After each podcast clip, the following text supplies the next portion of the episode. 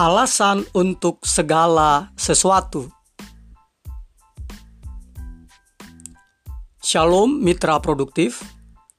Masih bersama dengan saya Pastor Tommy Ringo di Tahta Daud Channel dan podcast produktif dalam program 50 episode kehidupan yang dikendalikan oleh tujuan yang alkitabiah untuk apa kita ada di dunia ini. Episode ketujuh. Sebelum kita belajar bersama dan memulai perjalanan rohani yang mengasyikkan ini, mari kita memperkatakan dan merenungkan firman Allah yang tertulis dalam surat Roma 11 ayat 36 yang berkata, sebab segala sesuatu adalah dari Dia dan oleh Dia dan kepada Dia. Bagi Dialah kemuliaan sampai selama-lamanya. Juga dalam kitab Amsal 16 ayat 4 yang berkata, Tuhan membuat segala sesuatu untuk tujuannya masing-masing. Dari ayat tersebut, mitra produktif, kita diingatkan bahwa segala sesuatu adalah untuk Allah. Tujuan utama Allah menciptakan langit dan bumi beserta segala isinya, termaksud manusia, adalah untuk menunjukkan kemuliaannya. Segala sesuatu Allah ciptakan untuk kemuliaannya. Apa itu kemuliaan Allah? Kemuliaan Allah adalah keberadaan Allah itu sendiri, yaitu hakikat dari sifat dan karakternya. Dan di manakah kemuliaan Allah itu? Lihat saja di sekitar Anda. Semuanya yang diciptakan Allah mencerminkan kemuliaannya dengan cara tertentu. Mulai dari kehidupan mikroskopis yang paling kecil dan yang tak dapat dilihat oleh mata telanjang, sampai kepada gugusan sistem tata surya yang begitu luas dan kompleks. Kitab Mazmur 19 ayat 2 berkata, Langit menceritakan kemuliaan Allah, dan cakrawala memberitakan pekerjaan tangannya. Sepanjang sejarah, Allah telah menyatakan kemuliaannya kepada manusia dalam berbagai latar belakang. Pertama, Allah menyatakan dirinya di Taman Eden. Kemudian kepada Nabi Musa, lalu di kemah suci, lalu di bait suci, lalu melalui Yesus, dan sekarang melalui gereja. Semuanya tertulis di dalam Alkitab. Untuk kejadian 3 ayat 8, keluaran 33 ayat 18 sampai 23, Keluaran 40 ayat 33 sampai 38, 1 Raja-raja 8 ayat 10 sampai 11, Yohanes 1 ayat 14 dan Efesus 2 ayat 21 sampai 22. Dalam dunia ini Alkitab menggambarkan kemuliaan Allah seperti api yang menghanguskan, awan, gemuruh, asap, dan cahaya terang. Itu tertulis di Keluaran 24 ayat 17, Keluaran 40 ayat 34, Yesaya 6 ayat 3 sampai 4 dan Lukas 2 ayat 9. Sedangkan di sorga, di sorga Allah menggambarkan kemuliaan Allah satu-satunya terang yang diperlukan seperti yang tertulis dalam kitab Wahyu 21 ayat 23. Dan kota itu tidak memerlukan matahari dan bulan untuk menyinarinya, sebab kemuliaan Allah meneranginya, dan Anak Domba itu adalah lampunya. Dan hebatnya, kemuliaan Allah, sekali lagi maaf, kemuliaan Allah yang termulia itu terlihat di dalam diri Yesus Kristus. Kok bisa? Ya, sebab ia adalah terang dunia. Injil Yohanes 9 ayat 5 berkata, Selama aku di dalam dunia, akulah terang dunia. Haleluya.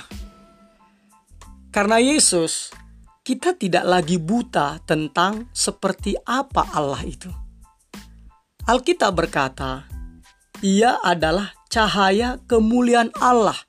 Itu Ibrani 1 ayat 3, 2 Korintus 4 ayat 6. Kita bersyukur Allah menjelma menjadi manusia dalam rupa Yesus supaya kita bisa sepenuhnya dapat memahami kemuliaan Allah. Alkitab berkata dalam Injil Yohanes 1 ayat 14. Firman itu telah menjadi manusia dan diam di antara kita. Dan kita telah melihat kemuliaannya, yaitu kemuliaan yang diberikan kepadanya sebagai anak tunggal Bapa, penuh kasih karunia dan kebenaran. Perlu kita ketahui bahwa kemuliaan Allah yang melekat kepadanya tidak dapat kita tambahkan. Sama seperti kita tidak menambahkan apa pun agar matahari bersinar lebih terang. Tetapi kita diperintahkan untuk menceritakan kemuliaannya, menghormati kemuliaannya, menyatakan kemuliaannya, memuji kemuliaannya, mencerminkan kemuliaannya, dan hidup bagi kemuliaannya.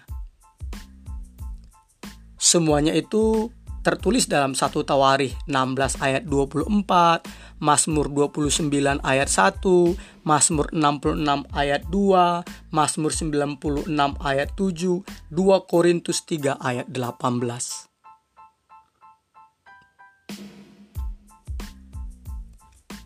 Mengapa kita harus melakukannya? Alasannya adalah karena Allah layak menerimanya. Dia layak menerima semua kemuliaan karena Ia yang telah menciptakan semuanya. Alkitab berkata dalam kitab Wahyu 4 ayat 11. Ya Tuhan dan Allah kami, Engkau layak menerima puji-pujian dan hormat dan kuasa, sebab Engkau telah menciptakan segala sesuatu, dan oleh karena kehendakmu, semuanya itu ada dan diciptakan. Mitra produktif di seluruh alam semesta dan di segala ciptaannya hanya ada dua ciptaannya yang gagal mempersembahkan kemuliaan bagi Allah.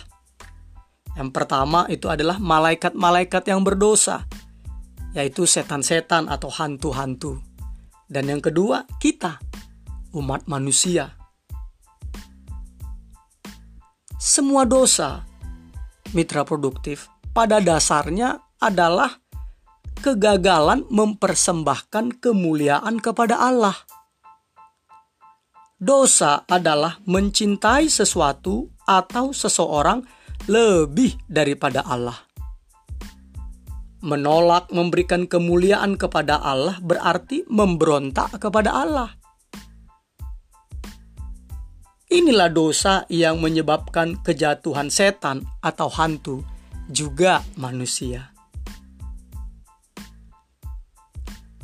Dengan berbagai cara, kita telah hidup bagi kemuliaan diri kita sendiri, bukan untuk kemuliaan Allah. Makanya Alkitab berkata dalam surat Roma 3 ayat 23. Karena semua orang telah berbuat dosa dan telah kehilangan kemuliaan Allah. Pertanyaannya, bagaimana kita mendatangkan kemuliaan bagi Allah? Caranya adalah sama seperti cara Yesus memberikan kemuliaan kepada Allah. Caranya bagaimana? Yaitu Yesus memenuhi atau memberikan kemuliaan kepada Allah dengan cara memenuhi atau menyelesaikan tujuannya di dunia ini. Itu Injil Yohanes 17 ayat 4. Kita kita juga dapat mendatangkan kemuliaan bagi Allah dengan cara yang sama, yaitu apa? Memenuhi, menyelesaikan maksud dan tujuan Allah menciptakan kita di dunia ini.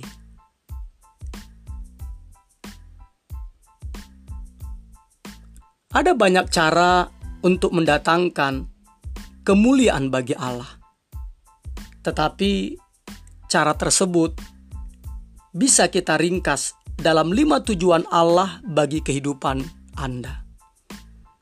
Kita akan menggunakan semua sisa periode ini, ya, yakni 50 episode kehidupan yang dikendalikan oleh tujuan yang alkitabiah untuk melihat kelima tujuan tersebut secara terperinci. Inilah garis besarnya. Pertama, kita mendatangkan kemuliaan bagi Allah dengan cara menyembahnya.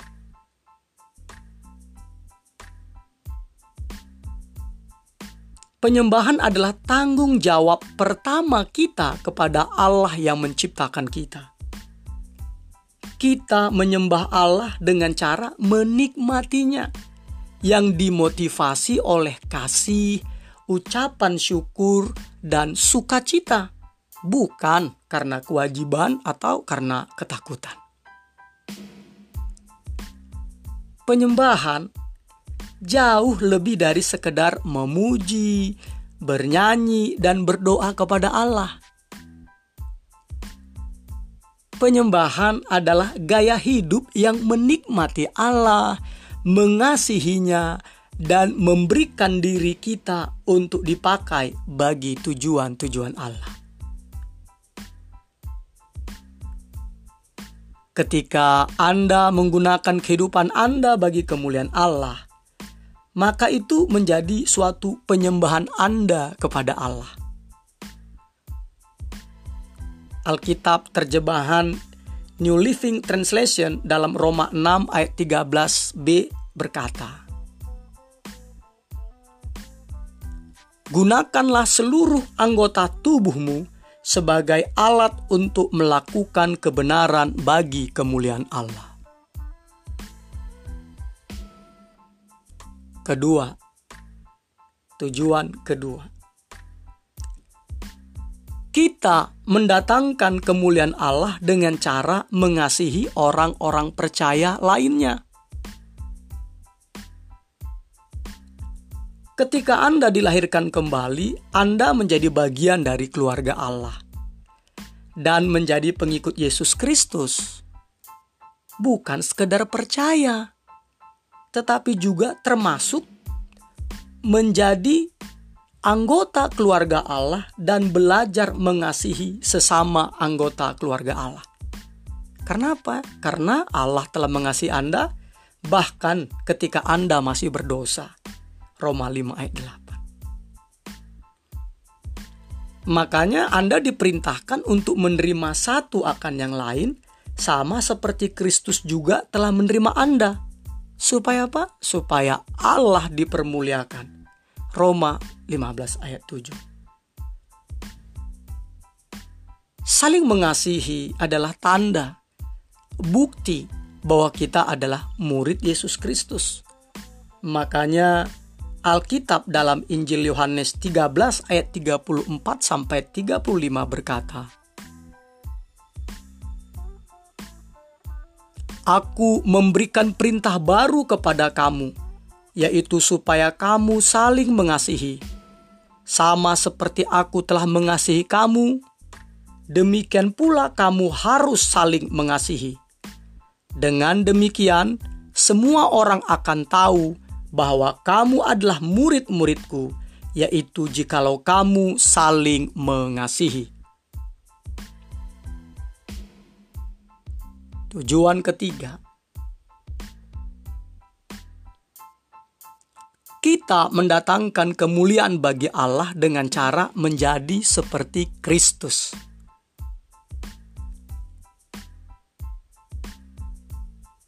Ketika Allah memberi Anda kehidupan baru dan sifat yang baru, ketika Anda menerima Sang Mesias, yaitu Yesus Kristus, dan menjadi bagian dari keluarga Allah, Allah juga ingin agar kita bertumbuh menuju kedewasaan rohani.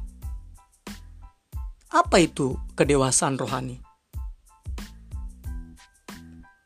Kedewasaan rohani adalah menjadi serupa dengan Kristus Sang Mesias dengan cara kita berpikir, merasa, dan bertindak. Perlu mitra produktif sadari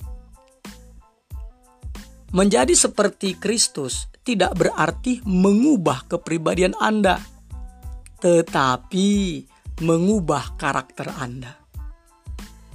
Dan semakin karakter Anda berkembang menjadi serupa dengan Sang Mesias, maka semakin besar juga Anda dapat mendatangkan kemuliaan bagi Allah.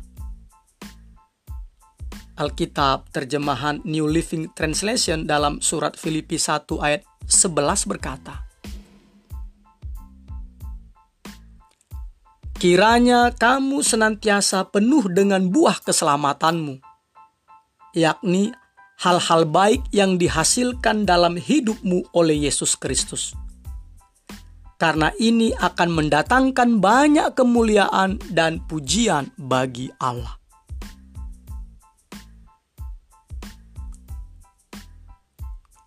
Tujuan keempat,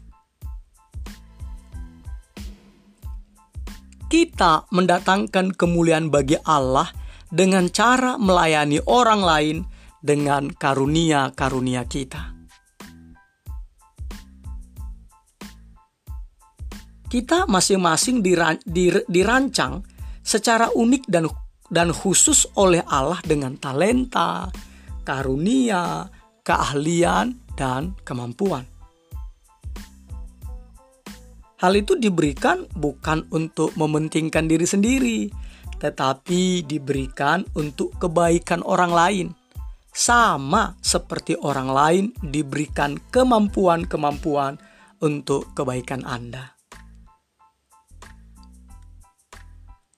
Alkitab berkata dalam surat 1 Petrus 4 ayat 10. Layanilah seorang akan yang lain sesuai dengan karunia yang telah diperoleh tiap-tiap orang sebagai pengurus yang baik dari kasih karunia Allah. Tujuan kelima,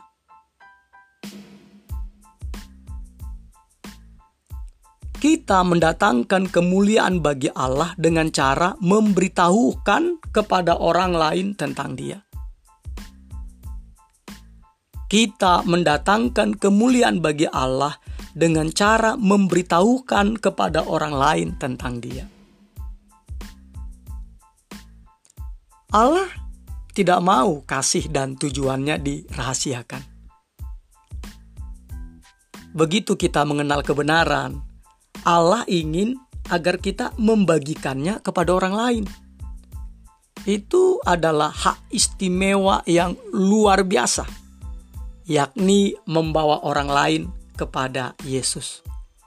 Seperti Christian Prince saat-saat ini. Adalah hak istimewa yang luar biasa ketika kita dapat membawa orang lain kepada Yesus, membantu mereka menemukan tujuan mereka, dan mempersiapkan mereka untuk menghadapi kehidupan kekal mereka. Itu tertulis di 2 Korintus 4 ayat 15 dan Injil Lukas 15 ayat 10. Pertanyaan berikutnya. Untuk apakah hidup Anda? Untuk apakah hidup Anda? Untuk menjalani sisa hidup Anda bagi kemuliaan Allah, Anda perlu mengubah prioritas-prioritas Anda, jadwal Anda, hubungan-hubungan Anda, dan hal-hal lainnya. Ini berarti memilih jalan yang sukar, bukan jalan yang mudah. Nah, Yesus mengalaminya itu di Injil Yohanes 12 ayat 27 28. Kita juga mengalaminya. Anda juga mengalaminya. Pertanyaannya, apakah Anda akan hidup demi demi sasaran, kenyamanan dan kesenangan Anda sendiri atau atau Anda akan menjalani sisa kehidupan Anda untuk kemuliaan Allah? Jika Anda melakukannya untuk kemuliaan Allah, maka Anda mendapatkan upah, mendapatkan pahala di sorga. Seperti Alkitab katakan dalam Injil Yohanes 12 ayat 25. Barang siapa mencintai nyawanya, ia akan kehilangan nyawanya. Tetapi barang siapa tidak mencintai nyawanya di dunia ini, ia akan memeliharanya untuk hidup yang kekal.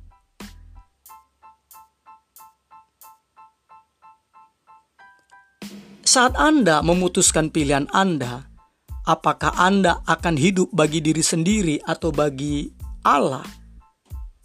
Mungkin Anda ragu-ragu, bimbang, gelisah, atau takut. Tapi percayalah, Allah akan memberikan kepada Anda apa yang Anda butuhkan. Jika Anda memilih untuk hidup bagi Dia. Alkitab berkata dalam surat 2 Petrus 1 ayat 3. Karena kuasa ilahinya telah menganugerahkan kepada kita segala sesuatu yang berguna untuk hidup yang saleh oleh pengenalan kita akan dia yang telah memanggil kita oleh kuasanya yang mulia dan ajaib.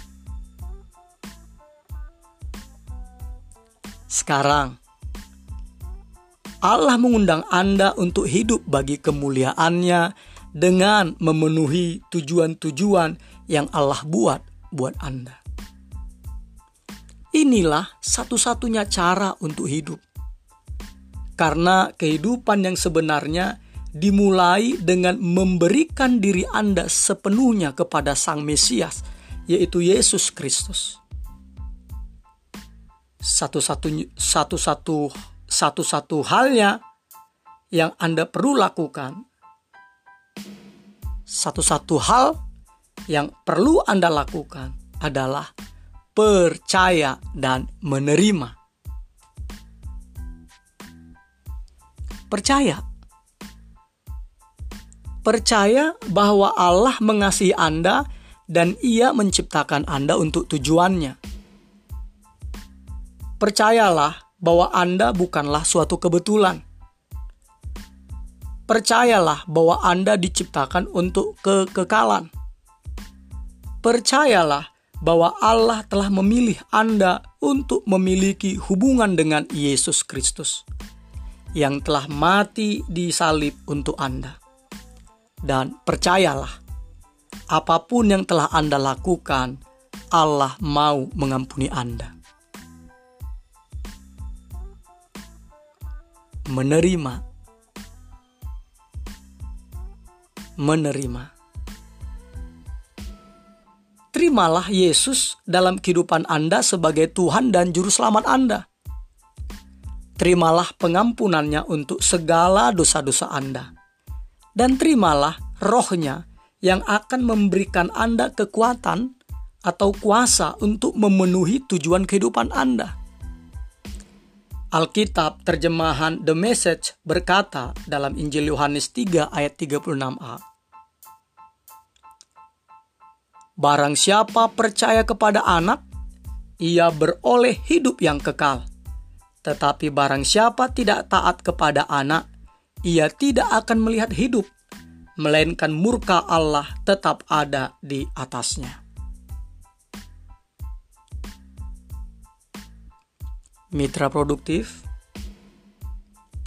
di mana pun Anda mendengarkan podcast atau YouTube ini, saya mengajak Anda untuk menundukkan kepala dan berdoa dengan tulus, serta dengan lembut berkata, "Yesus, saya percaya kepadamu, dan saya menerima Engkau." Izinkan Yesus menjamah hati Anda dan memeluk Anda. Jika Anda telah melakukannya, saya ucapkan selamat. Selamat datang dalam keluarga Allah. Sekarang Anda siap untuk menemukan dan mulai menjalani tujuan Allah untuk kehidupan Anda. Episode ketujuh Berpikir dan merenungkan tujuan hidup kita. nilai-nilai atau prinsip-prinsip yang harus kita pikirkan dan kita renungkan. Apa itu? Yaitu semuanya untuk Allah. Sekali lagi saya katakan, semuanya untuk Allah. Ayat untuk diingat. Sebab segala sesuatu adalah dari Dia dan oleh Dia dan kepada Dia. Bagi Dialah kemuliaan sampai selama-lamanya. Pertanyaan untuk dipikirkan dan di, didiskusikan. Dalam aktivitas sehari-hari,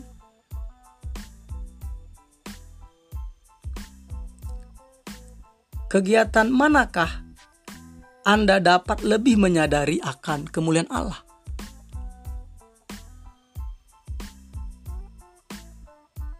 Immanuel, Allah menyertai kita mitra produktif. Amin.